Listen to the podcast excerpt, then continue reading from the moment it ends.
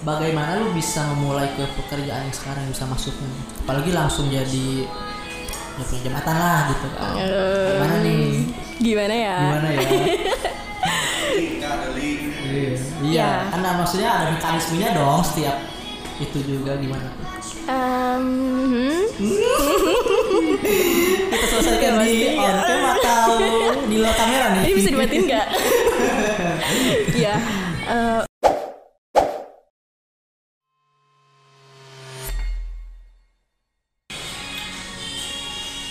Selamat datang di Front Office, medianya Pro Officer. Hari ini kita udah kedatangan seorang narasumber yang sangat spesial. Narasumber yang menjadi salah satu waiting list dari Front Office dan dia adalah Amarila Novenia, Indri Cahyani. Betul? salah. Kok salah? Ada salah. Apa-apa yang benar gimana? Amarila Novenia Indra Cahyani. Indra Cahyani. Tipe satu huruf. Siapa tuh Indri? Aduh, Indri siapa ya? Kita sekarang lagi ada di Mar, lagi ada di mana Mar? Red Blank Red Coffee. Blank, Red Blank, Back It, Back It, Red Blank, Coffee Back and Bakery. It, Coffee and Bakery, yang lagi ada yang ada di Cikarang. Jadi kita mencoba suasana baru ada di kafe. Gimana Mar sehat Mar? Alhamdulillah sehat. Alhamdulillah sehat. Gimana? Alhamdulillah. Mama sehat Mama? Wih. Alhamdulillah sehat. Alhamdulillah sehat ya. Jadi gini Mar, ada beberapa hal yang ingin gua tanyakan ke lu. Apa nih? Jadi gua dengar lu sekarang sudah bekerja di salah satu perusahaan. Alhamdulillah. Alhamdulillah. Boleh dijelaskan dong? eh, perusahaan lu Hmm. bergerak di bidang apa? Lokasinya di mana? Dan periode kerja lu udah berapa lama nih di perusahaan tersebut? Eh, jadi gue kerja di perusahaan sebenarnya vendor sih, vendor di pabrik baja, konstruksi baja terbesar se Asia Tenggara yang ada di eh, Cikarang. Cikarang. Cikarang. Cikarang. Kalau besok gimana? Eh, periode kerjanya udah kurang lebih dua tahun dan masih enjoy, Oh iya, masih enjoy. Udah lama dong ya? lumayan. Eh, terus terus job desknya kayak gimana dijelaskan? Eh, posisi gue sih sebenarnya di sana itu jadi asisten direktur. Jadi gue. Ya, jadi eh, perusahaan gue sendiri itu vendor di dalam apa pabrik baja tersebut kan, yang bergerak di bidang tenaga kerja, penyedia tenaga kerja, Berarti penyalur tenaga kerja ya? bukan TKI. Iya. Jadi ada perusahaan yang membutuhkan pekerja, perusahaan lo yang menyuplai si tenaga kerja tersebut. Ya, betul banget. Eh, terus eh, apa namanya? Lu mens- perusahaan lu nih mensuplai ke perusahaan apa aja? Kalau saat ini sih eh, kita masih fokus di satu perusahaan yang tadi gue sebutin itu. Eh, kayaknya nggak perlu sebut Iya, nama yang, dia. bergerak, yang bergerak di bidang eh, Konstruksi apa? baja. konstruksi tetap ya, Hmm, konstruksi. Oke, lanjut lanjut. Ya, eh, lumayan sih. Lumayan apa nih? Apa Ya, Anda menjelaskan dong. Apa lagi? Job desk saya seperti Oh, apa gitu. kalau pekerjaan gue sih kan sebenarnya eh, lumayan menghandle semuanya ya, M- menghandle semua administrasi perkantoran kayak ngurusin gaji-gaji pegawai. Karena kan di sana sistemnya kita tuh dibayarnya per apa yang kita kerjakan, apa yang karyawan kita kerjakan. Oh, Ya, jadi kita benar-benar harus eh, apa ya? Istilahnya harus eh, apa sih? kerjanya harus sangat baik gitu kan, Anda mendapatkan pay yang Iya, sesuai. eh, karena sistemnya kontrak, bukan karena kita sistemnya kontrak. Jadi setiap tahun tuh ada perubahan kontrak, entah itu dikurangin atau ditambah. Mau nggak mau kan kita harus pinter-pinter ngambil hati si punya perusahaan kan. Menjilat. ya gitu. Kalau kalau Ya, di ya, kerjaan kita harus kayak gitu kan. iya, iya betul. betul. Harus pinter-pinter menjilat. Nah, Harus pintar-pintar mengambil hati. Penghalusan aja sih. Hmm. iya, Mengambil agak hati. dihalus. iya, pintar-pintar Iya. mengambil hati sih. Atasan kita. Kalau yang dikerjain sih lumayan banyak. Tanggung jawab gue itu lumayan banyak kayak eh, ngurusin tentang BPJS, kesehatan, ketenaga kerjaan karena kan semua perusahaan itu sudah diwajibkan untuk mendaftarkan karyawannya di ketenaga eh, BPJS, ketenaga kerjaan dan kesehatan gitu. Terus ngurusin eh, pajak kan setiap perusahaan wajib untuk membayar pajak gitu kan. ya? Iya, sebagai warga negara yang baik. Ya, pajak, Iya. bayar pajak, bayar pajak. Iya, gitu. Iya, iya. Jadi Terus, di endorse gak nih sama Wah, kalau itu kan. Ya. Ya, sebenarnya kayak gak nyambung sih ya sama jurusan ya, kita tapi ya. kan kalau kerja itu tergantung rezeki juga. Tidak Iya. terlepas dari itu juga. Uh, dan itu semua tuh gue belajarnya kayak otodidak aja sendiri gitu. Karena kan uh, jurusan kita kan gak ngajarin masalah pajak dan lain sebagainya gitu kan. Jadi gue belajar dari YouTube untuk kayak gitu dan saat ini tuh semuanya itu udah sistemnya online Jan. Iya. Jadi kayak ada untungnya, ada enggaknya juga sih kalau menurut gue ya. Soalnya kan kalau online kan kita kayak apa-apanya tuh harus kita belajar sendiri gitu. Nggak tatap muka kan kalau misalnya kita tatap muka itu kita bisa eh, nanya kan ini gimana sih kok kok ini kita nggak bisa gitu. Tapi kalau online kan kita harus berusaha sendiri melalui aplikasi tersebut gitu. Berarti lu yang menghandle dari sisi administrasi si berbagai rekanan perusahaan lu ini kan. Tapi Iya. sekarang baru satu kan. Baru satu. Cuma lu ya itu yang menghandle para pekerja ini administrasinya lu yang megang gitu kan. Iya, sampai ke tagihan perusahaan pun gitu. Jadi kalau gue lalai, gak gajian semua. Berarti Amarina bertanggung jawab terhadap penghidupan banyak orang. Kalau saya ditolak, Amarina disalahkan. Cari gue. Tadi Amarina. itu cukup berat juga ya tanggung jawabnya. Berat-berat. Terus gue pernah eh, ada satu kejadian. Ini kita cerita aja ya, Iya, iya, saya Eh, karena gue ngurusin kayak gajian gitu kan eh, kalau misalnya telat nih itu ada pemotongan gaji berapa persen gitu kan telat datang. Nah untuk karyawan baru yang eh, baru masuk itu biasanya belum menggunakan ATM belum melalui transfer antar bank gitu. Jadi masih manual. Nah di saat manual itu kita kayak harus benar-benar misalnya ada koma 500 perak gitu. Gue pernah kejadian waktu itu lalai karena eh, gak masukin 500 nya itu dan gue diprotes. Sama? Sama karyawan gue sendiri. Diprotesnya tuh kayak ya mungkin bagi kita kayak 500 gitu kan.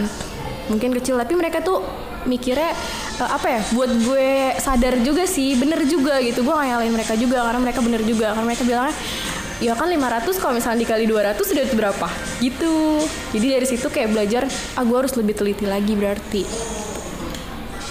Berarti kalau itu untuk yang baru-baru ya. Iya, agak serem karena eh, apa ya berhubungannya dengan SDM kan, lebih sensitif.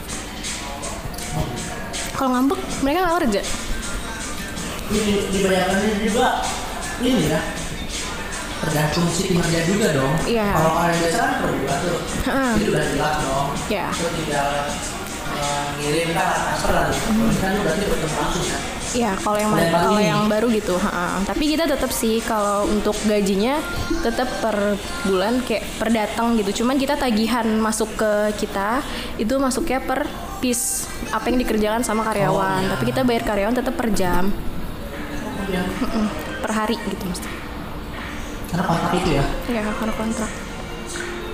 Terus eh selain itu ada lagi, maksudnya se- secara administrasi kan gitu. Kalau di luar tuh ada lagi. Em, kayaknya udah sih paling kalau misalnya ada ya gue harus siap ketika ada apa ya kita kan nggak pernah tahu ya itu akan berjalan mulus atau enggak di lapangan karena gue bertanggung jawab juga kan di situ di bawah direktur gue gitu kan jadi semua koordinator? Ah. jadi kan eh, semua koordinator pasti eh, apa lapornya ke gue dulu gitu baru Iya. gue sampein ke atas gitu kan yang paling serem sih sebenarnya sejauh ini itu kalau misalnya ada masalah di pabrik Masalah apa tuh? kita sih udah safety banget kayak semua Waktu kecelakaan kerja gitu. iya Oh. yang kayak gitu karena nggak jarang juga kan kayak gitu Apa? Kamu pernah ada kejadian apa? pernah waktu itu ada yang jatuh. Jadi kan kerjanya beda-beda ya. Ada yang naik ke atas kren gitu. Kren kan tinggi kan. Nah waktu itu nggak tahu gimana ceritanya. Pokoknya tiba-tiba jatuh jatuhnya ke atas eh, kayak besi-besi gitu kan.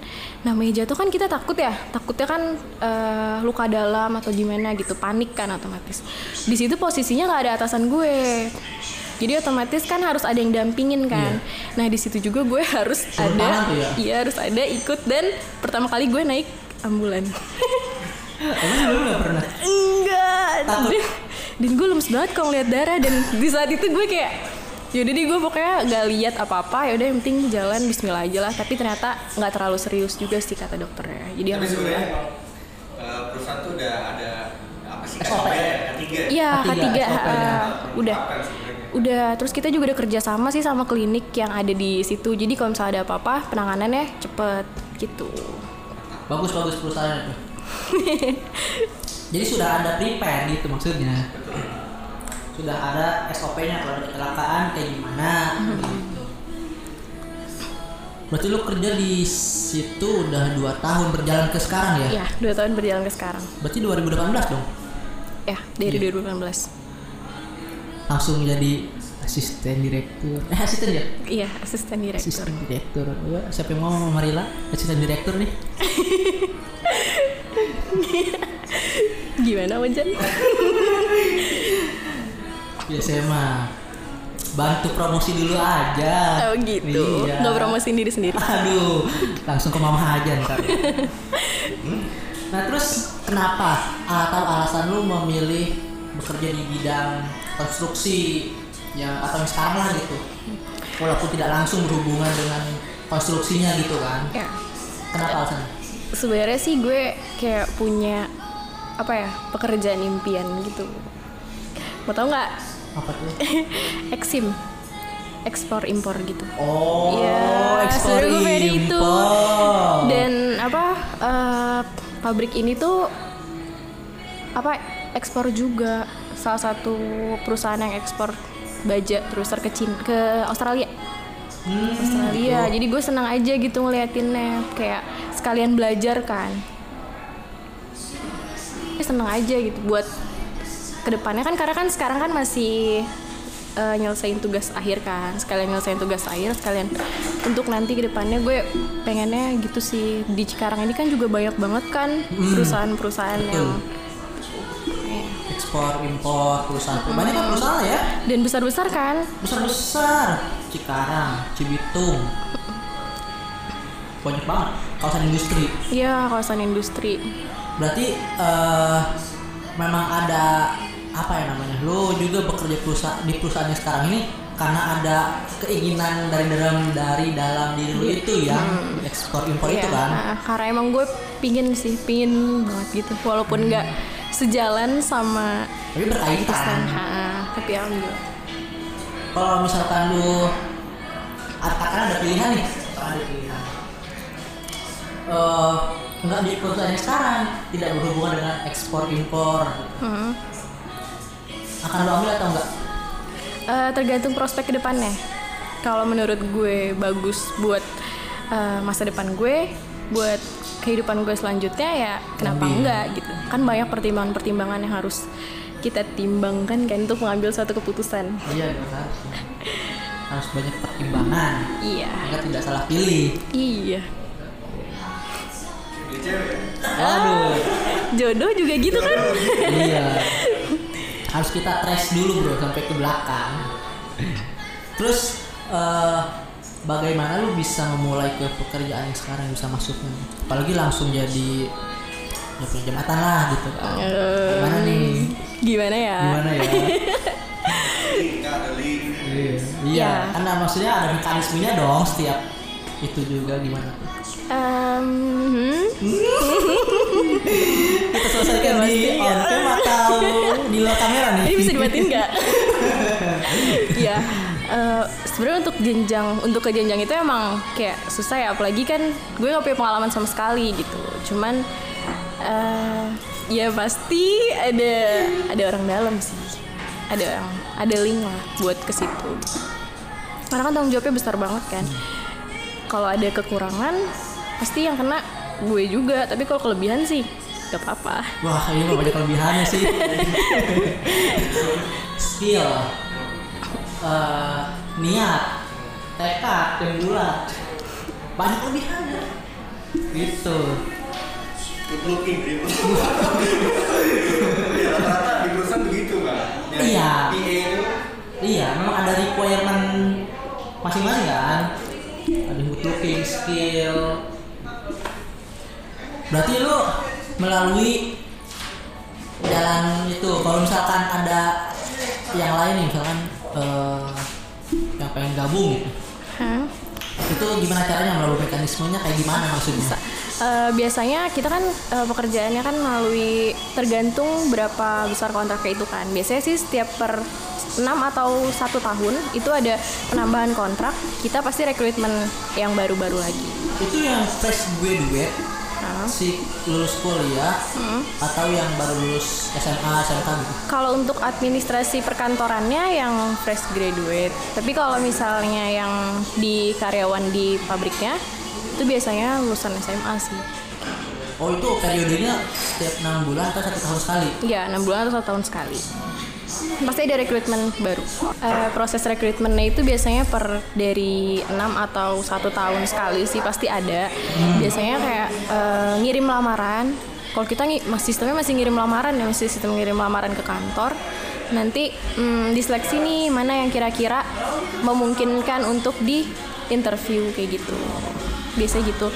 Terus eh, kualifikasinya. ah ya kualifikasi itu yang mau gue tanyakan kualifikasinya pasti se- apa setiap jabat bukan jabatan posisi kan berbeda-beda dong Iya, beda-beda. nah kalau misalkan yang SMK itu requirementnya apa aja terus kalau yang fresh graduate apa aja nih requirementnya Kalau di uh, perusahaan gue sih ada beberapa pekerjaan yang emang harus dikerjakan oleh tenaga ahli. Jadi yang harus udah ada sertifikatnya kayak istilahnya apa ya? Gue lupa. Pokoknya itu kalau yang megang keren itu mereka harus punya sertifikatnya kayak sertifikasi. SIM gitu. Punya sertifikasi lah ya. Ah, kayak SIM gitu lah modelnya gitu.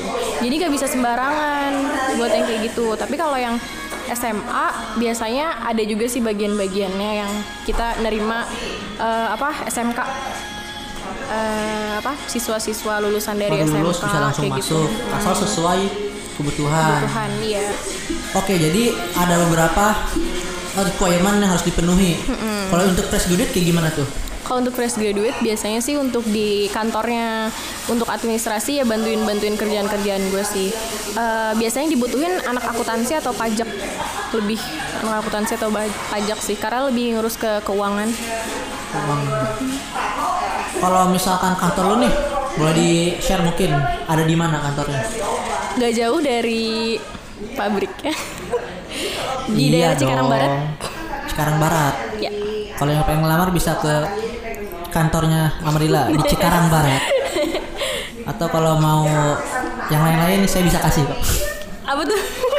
Nomornya siapa tahu saya bantu hubungi gitu maksudnya. Asal jangan mau minta pulsa. Aduh, minta pulsa. Enggak, enggak, enggak, enggak. Oh, eh, apa ya? Lu nih Apa nih? bekerja di bidang yang berhubungan dengan banyak SDM, banyak banyak banyak orang lah berhubungan dengan orang. Perasaan lu kayak gimana? Senangnya,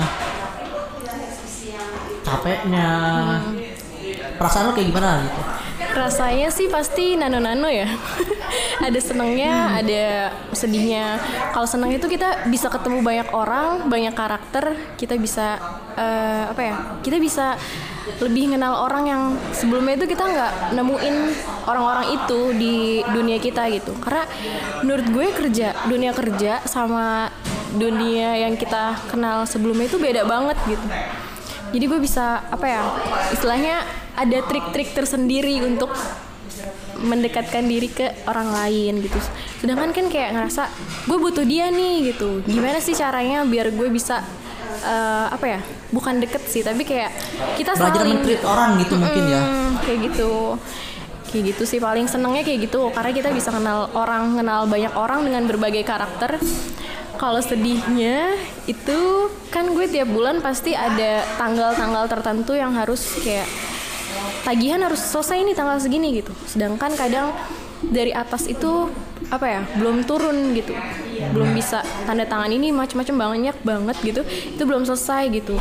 Sedihnya sih kayak gitu karena kan kayak pusing juga kan. Karena kalau tagihan nggak keluar otomatis buat bayar gaji karyawan kan jadi tersendat kan Iya. kasihan ke mereka. Kita kan nggak pernah tahu ya mereka kebutuhannya untuk apa. Iya. entah untuk bayar kontrakan ditagih ibu kontrakan kan kasihan kan kalau Iya, kayak gitu. iya. Bayar sedihnya gitu sih Hmm. ninja, kan ada yang tahu. kalau misalnya anaknya nangis minta susu susu nggak bisa beli susu Iya, itu Marahnya juga menjadi. Gitu. iya, menjadi pikiran, betul. Jadi berkesinambungan ya. Eh ini deh, lu ini nggak pernah ikut dalam meng-hire, bukan meng-hire, maksudnya dalam eh mau apa ya interview atau apa gitu terlibat langsung lah pernah nggak lu turun langsung gitu dalam hire orang dalam rekrutmen pernah Eh, biasanya sih yang lebih diutamain kalau di perusahaan gue sih kayak yang apa ya eh, jujur terus tepat waktu. Kadang kan ada gue kan suka lihat absenan gitu ya kayak sakit sakit sampai seminggu gitu. Itu kan bermasalah juga ke yang lain. Karena ketika dia nggak masuk ketika apa salah satu karyawan gue ini nggak masuk otomatis gue harus ganti dengan karyawan lain. Dan itu digajinya otomatis lembur masuknya. Oh, masuk lembur jadi ya. jadi sama-sama ya ada dampaknya juga sih ke perusahaan juga lu pernah ikut terlibat nih dalam meng-hire itu dalam posisi apa? Biasanya sih interview aja. Jadi gue kayak dikasih tahu poin-poin penting sama atasan gue kayak eh, dalam interview ini yang diutamain apa sih gitu. Kayak kan sebenarnya di interview itu ada kayak beberapa setahu gue sih ada beberapa apa ya kayak teknik dalam psikologi gitu loh buat kita bisa ngelihat orang ini nih kayak gimana sih gitu buat ngeliat kepribadian seseorang tuh sebenarnya bisa dilihat juga gitu dan kita ketemu gitu kan. Paling ada poin-poin tertentu yang emang eh, misalnya dia memenuhi poin tersebut tuh ya bisa masuk gitu nggak terlalu banyak sih kalau misalnya rekrutmen gitu kan paling taunya dari orang ke orang dan masih orang-orang sekitar juga kan. Jadi ya nggak terlalu kayak yang kita apa eh, ngelamar pekerjaan di suatu perusahaan besar banget yang sampai ngantri-ngantri gitu nggak kayak gitu sih. Soalnya kita paling ngutamain orang-orang sekitar yang ada di situ gitu. Orang-orang di sekitar perusahaan itu dulu? Iya, perusahaan itu dulu biasanya. Hmm baru. Tapi se- sesuai requirement perusahaan itu kan? Mm, sesuai yang dibutuhin. Menarik menarik. Nah terus? Tertarik untuk masuk? Ya boleh. Kan kita sudah punya orang dalam nih. Asisten direktur lagi. Tinggal ini aja kita lobby lobby aja ya Mar ya? Ya, hmm, bisa lah nanti di Bisa. sini kali ya. lobby lobby aja. Bisa lah di balik kamera itu Oke. terus apalagi pengalaman yang udah lu dapat nih seneng gak lu bertemu dengan banyak orang kayak gitu gitu Seneng banget. Seneng banget sih tentunya kayak eh, dengan ketemu orang lain kan kita bisa apa ya? mengembangkan diri kita juga kan kita harus gimana terus kayak yang tadi ya gue nggak dapetin nih gue nggak tahu kayak di kerja tuh kayak gimana sih selama ini tuh gue eh, ekspektasi gue tuh kayak kalau kerja itu ya kita berangkat pagi pulang sore terus eh, di ruangan ber AC jam 5 pulang kayak gitu kan rutinitas Iya, tapi ternyata nggak kayak gitu. Ternyata nggak kayak gitu. Ketika kerjaan belum selesai tuh kayak rasanya kalau misalnya kita mau pulang, ya ada yang ganjel aja gitu. Kadang gue mikir kayak orang ngapain sih lembur sampai malam-malam gitu. Tapi ternyata gue ngerasain hal itu lu juga. merasakan apa yang lu Iya, akhirnya. merasakan apa yang dia pikirkan kan Iya. akhirnya lu merasakan oh ternyata kerja tuh kayak gini gitu Iya. Tapi lebih happy daripada kuliah sih menurut gue. Karena kan kalau kuliah kan monoton ya. Kalau kerja kan gue bisa kayak banyak explore, explore, iya. Skill. Itu berhubungan dengan orang kan ada trait masing-masing itu juga lu apa belajar kan? Dapet, ha, di situ. tipe orang kayak gini menghadapinya kayak gini. Termasuk dalam meng-hire si pak pekerja itu yang baru itu kan? Iya, semua sih, semua karyawan kan kita harus kayak gimana caranya nih biar mereka juga betah? Karena kalau nggak ada mereka pun kita nggak akan bisa jalan gitu. Tetap sama-sama butuh gitu. Jadi gimana caranya ya kita ke ke karyawan juga harus sama kekeluargaan juga kayak gitu. Kita harus ngerti juga lah, nggak kayak yang zaman kerja Rodi kayak gitu Ya enggak beda dong. Iya. Udah jauh dong. Terus kalau menurut lo prospek dari si perusahaan lo sekarang nih Hmm. ke depannya itu akan kayak gimana? Akan semakin banyak kah? Atau mungkin berkurang atau apa bacaan lo atau analisis lo ke depannya kayak gimana? Hmm, kalau saat ini ya gue ngeliatnya saat ini sih Insya Allah bakalan lebih berkembang lagi karena di bulan ini ada beberapa project yang bakal dikerjain lagi selain itu. Ada beberapa project besar yang emang udah disiapin. Jadi kayak eh, bakal panjang sih. Prospek ke depannya pasti bakal lebih baik lagi Kalau misalkan perusahaan lu nih menjadi rekanan dari perusahaan kan sekarang udah satu nih. Iya. Kalau apakah akan bertambah lagi perusahaan rekanan rekanannya? Iya, bulan ini sih, bulan ini eh, akan ada rekanan-rekanan baru. Kalau nggak salah sih ada tiga perusahaan yang bakal di bidang apa aja itu? Nggak jauh-jauh sih. Pasti Dari- dari bidang konstruksi juga? Iya konstruksi juga dan penyedia jasa juga sih. Mungkin karena eh, tiap perusahaan itu, gue tuh baru tahu nih, gue tuh baru tahu ketika gue ngurusin perusahaan ini, itu gue baru tahu kalau ternyata kita tuh nggak bisa asal sekedar punya PT, terus eh, bergerak di bidang apanya itu bebas gitu. Setiap ada pekerjaan kita ambil gitu ternyata nggak bisa. Jadi ternyata ada izin tersendiri dari Kemnaker sama apa ya, gue lupa. Itu untuk eh, perusahaan ini bergerak di bidang apa nih? Misalnya be- bergerak di bidang penyedia jasa, ya dia harus punya eh, apa izin untuk pen- penyedia jasa tersebut gitu. Jadi beda-beda. Penyedia barang beda sendiri gitu. izinnya Iya, penyedia tenaga kerja beda lagi gitu.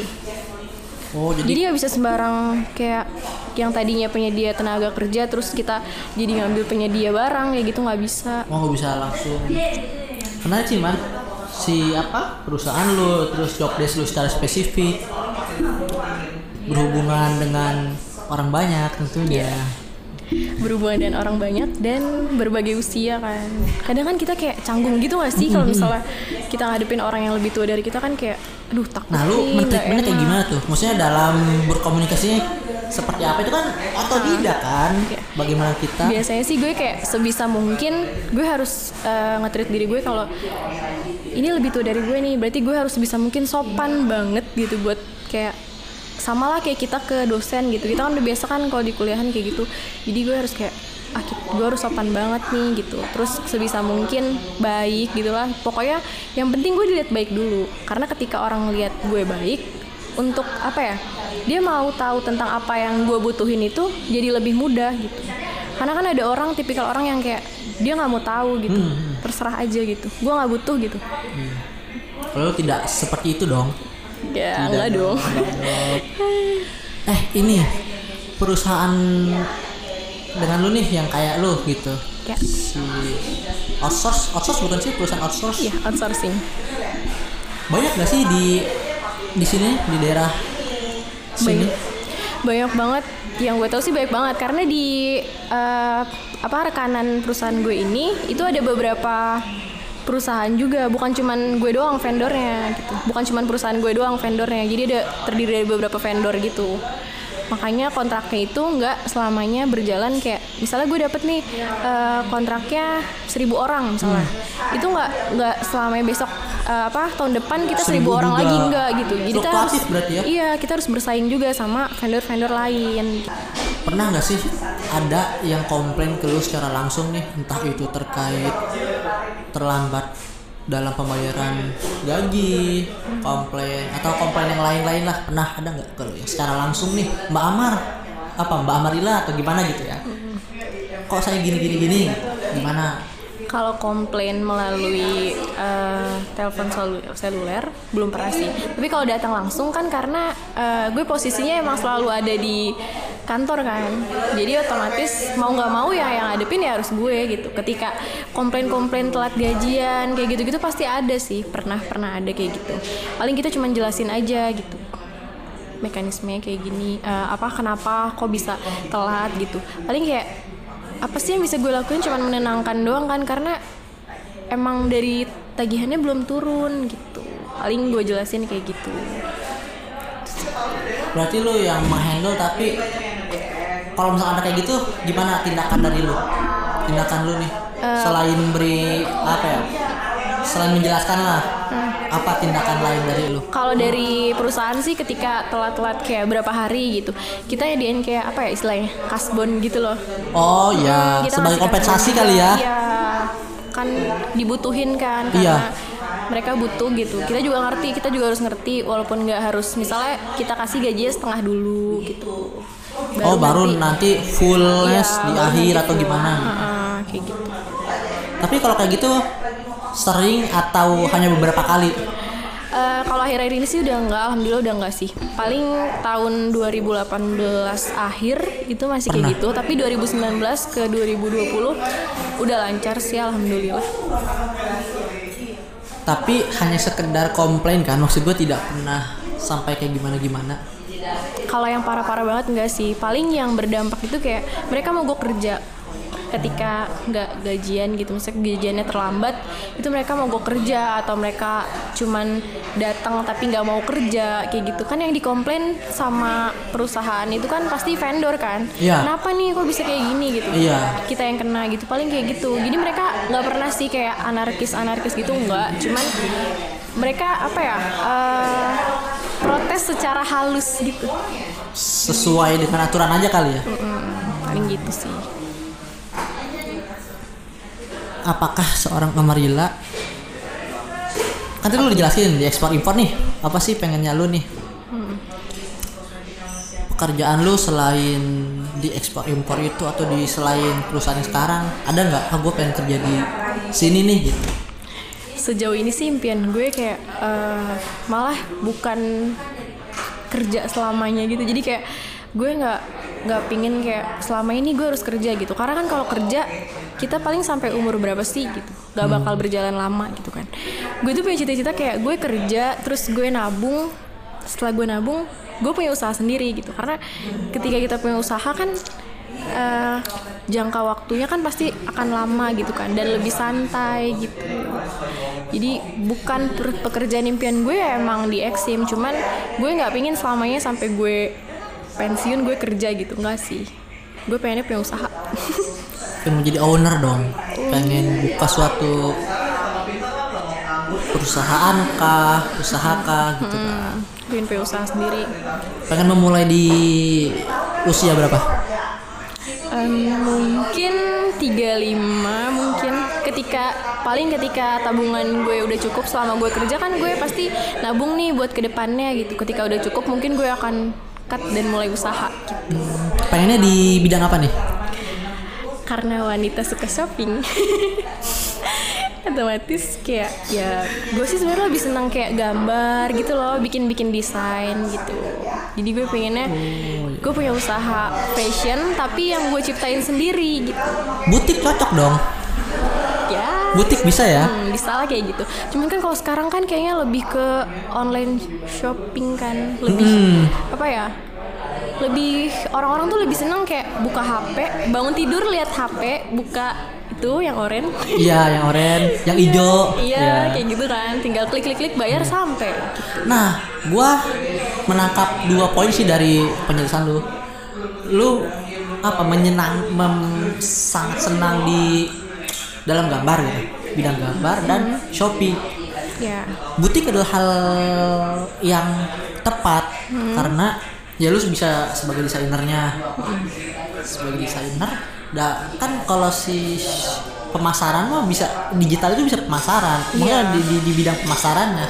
Nah itu adalah hal yang beriringan sih. Lu bisa memulainya di situ sangat tepat. Iya. kalau soal pemasaran offline atau on- online itu hanya soal pilihan. Tapi Iya, kalau melihat lu secara secara basicnya senang menggambar ya hal yang sangat tepat ketika lu masuk ke desain dunia desain ya. Entah du, apa dalam fashion entah dalam produk yang lainnya itu hal yang tepat sih kalau gua. Bisa dimulai secepatnya. Selama ada wabah penyakit nih yang sekarang kita eh, kena dampak lah.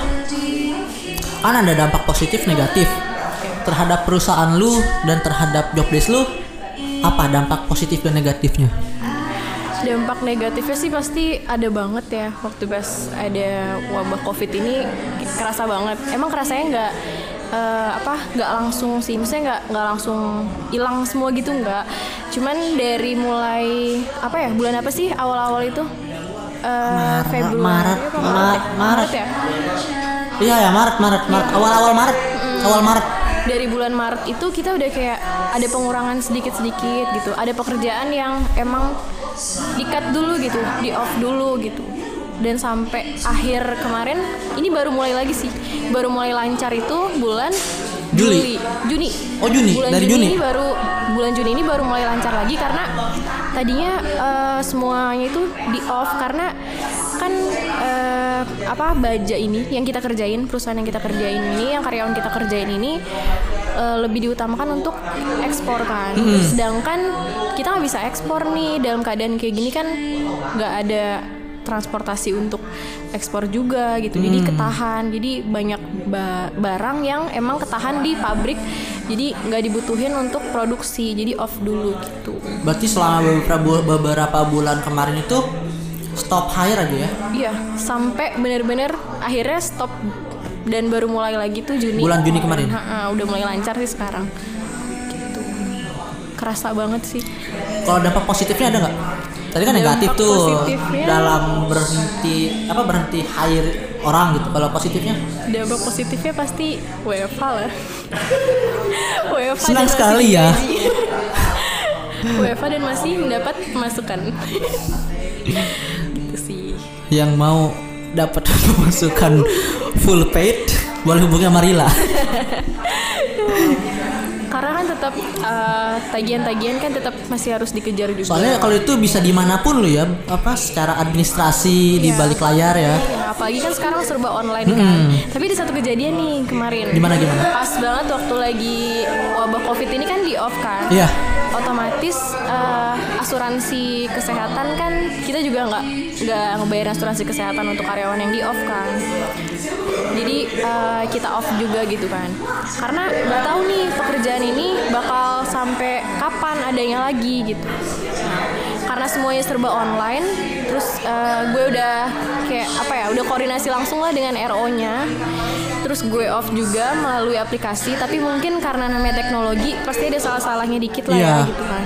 Udah gue off tapi ternyata masih gantung gitu. Jadi tiba-tiba dapat tagihan di kantor, masih tetap dapat tagihan yang emang harus dibayarkan gitu kan. Cuman kan posisi kayak gini gimana gitu. Kita Iya. lagi di off dan nggak ada pemasukan, nggak ada income buat perusahaan. Tapi kita harus mengeluarkan itu gitu. Jadi gue harus koordinasi berarti lo lagi perusahaan lo tetap harus membayar itu tetap harus membayar itu karena mau gimana pun juga nggak ada solusi yang eh, apa ya nggak ada solusi yang sama-sama enak menurut gue gitu kayak nggak bisa tetap ini tuh tetap harus dibayar gitu sedihnya sih kayak gitu karena jumlahnya nggak dikit gitu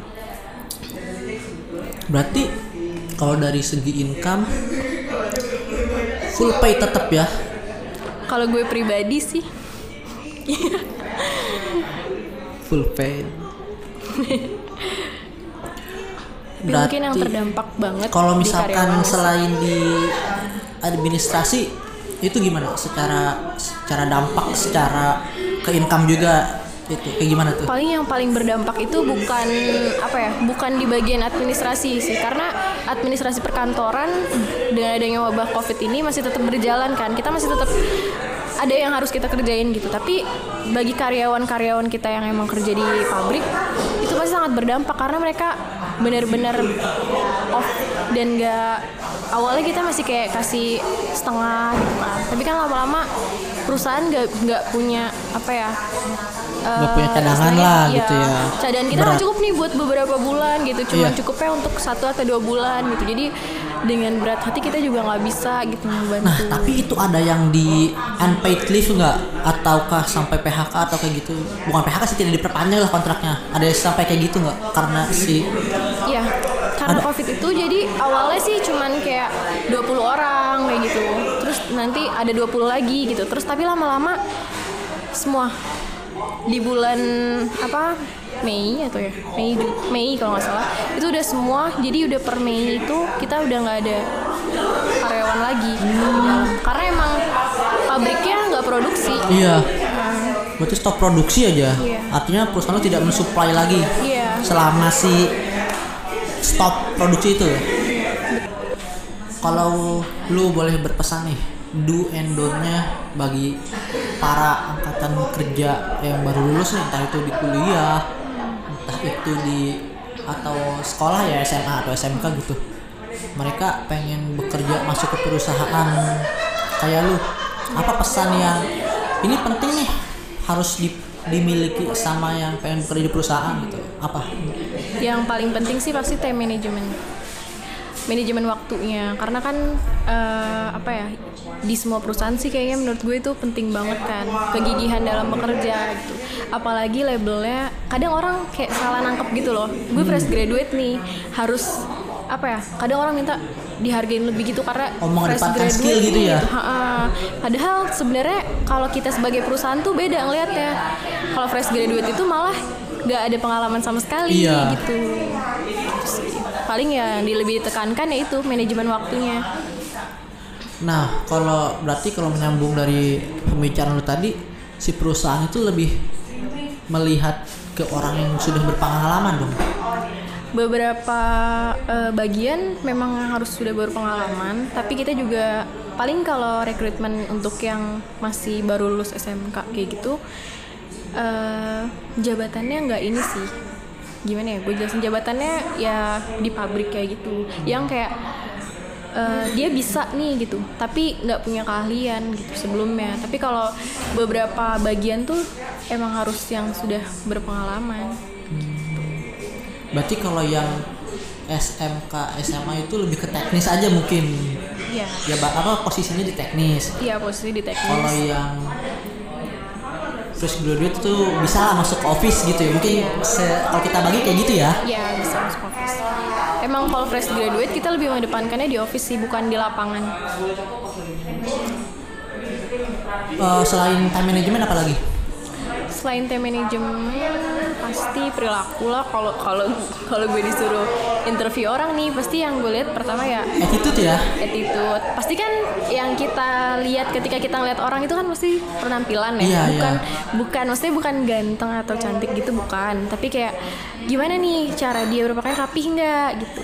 Terus eh, kalau gue sih emang suka orang-orang yang rapi gitu. Pasti yang gue lihat ya rapi nggak nih orangnya gitu sih dari awal. Manajemen, attitude. Iya. Apalagi?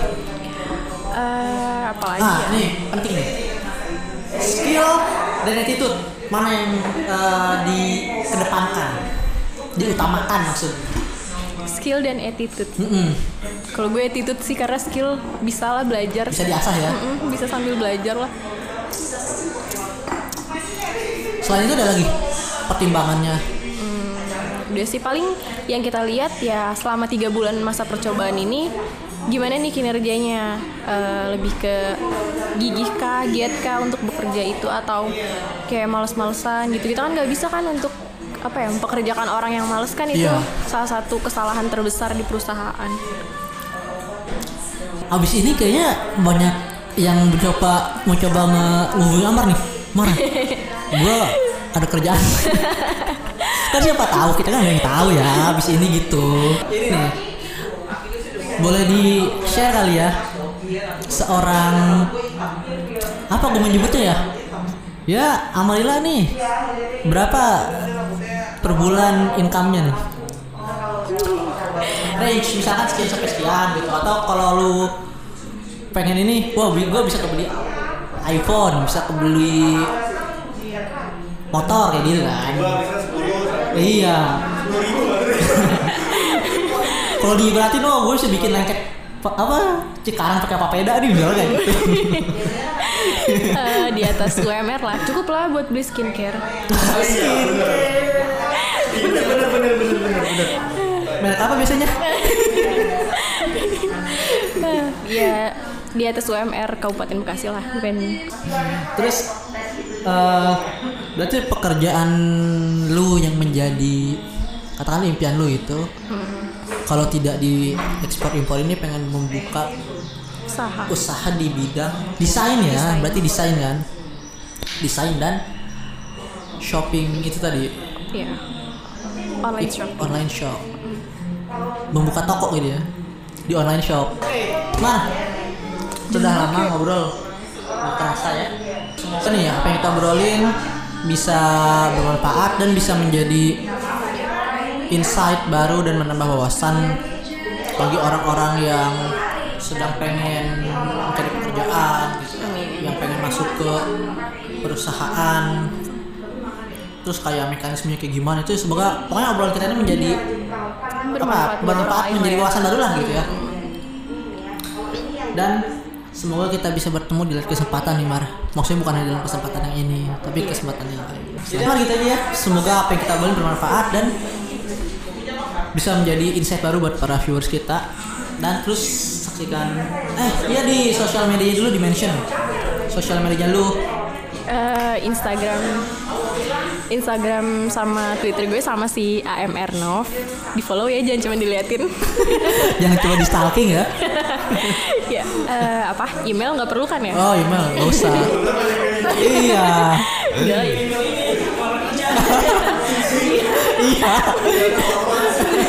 Yang terhormat HRD ya dukung terus channel kita di Front Office Podcast yang tersedia dalam kanal Spotify dan YouTube dan jangan lupa di like, subscribe dan share Front Office. Terima kasih juga buat Red Blank kau Coffee, and Coffee Bakery. and Bakery yang ada di Cikarang. Like, subscribe dan share Front Office Podcast. Front Office medianya para officer. See you. Dah.